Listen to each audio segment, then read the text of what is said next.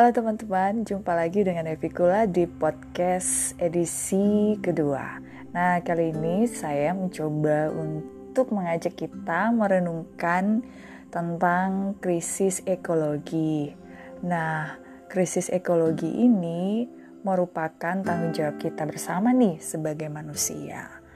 Mari kita merenungkan kembali aktivitas kita sehari-hari apa aja nih yang bisa menyumbang terhadap krisis ekologi. Contoh sederhana adalah ketika kita membuang sampah sembarangan.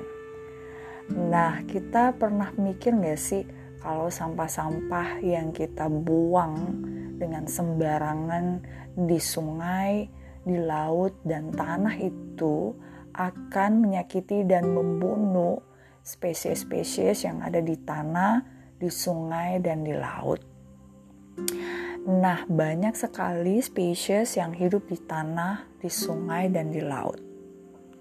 Lalu pernah nggak sih mikirin mereka juga adalah makhluk hidup yang punya hak untuk hidup begitu, bukan hanya untuk menghasilkan udara, makanan dan minuman untuk kita semua. Nah, saya teringat dengan kata dari Profesor Michael Northcote. Breeding adalah salah satu cara untuk mengatasi krisis ekologi. What I say is breathing gitu ya. Udah susah nih ngomongnya dalam bahasa Inggris. Artinya bernafas.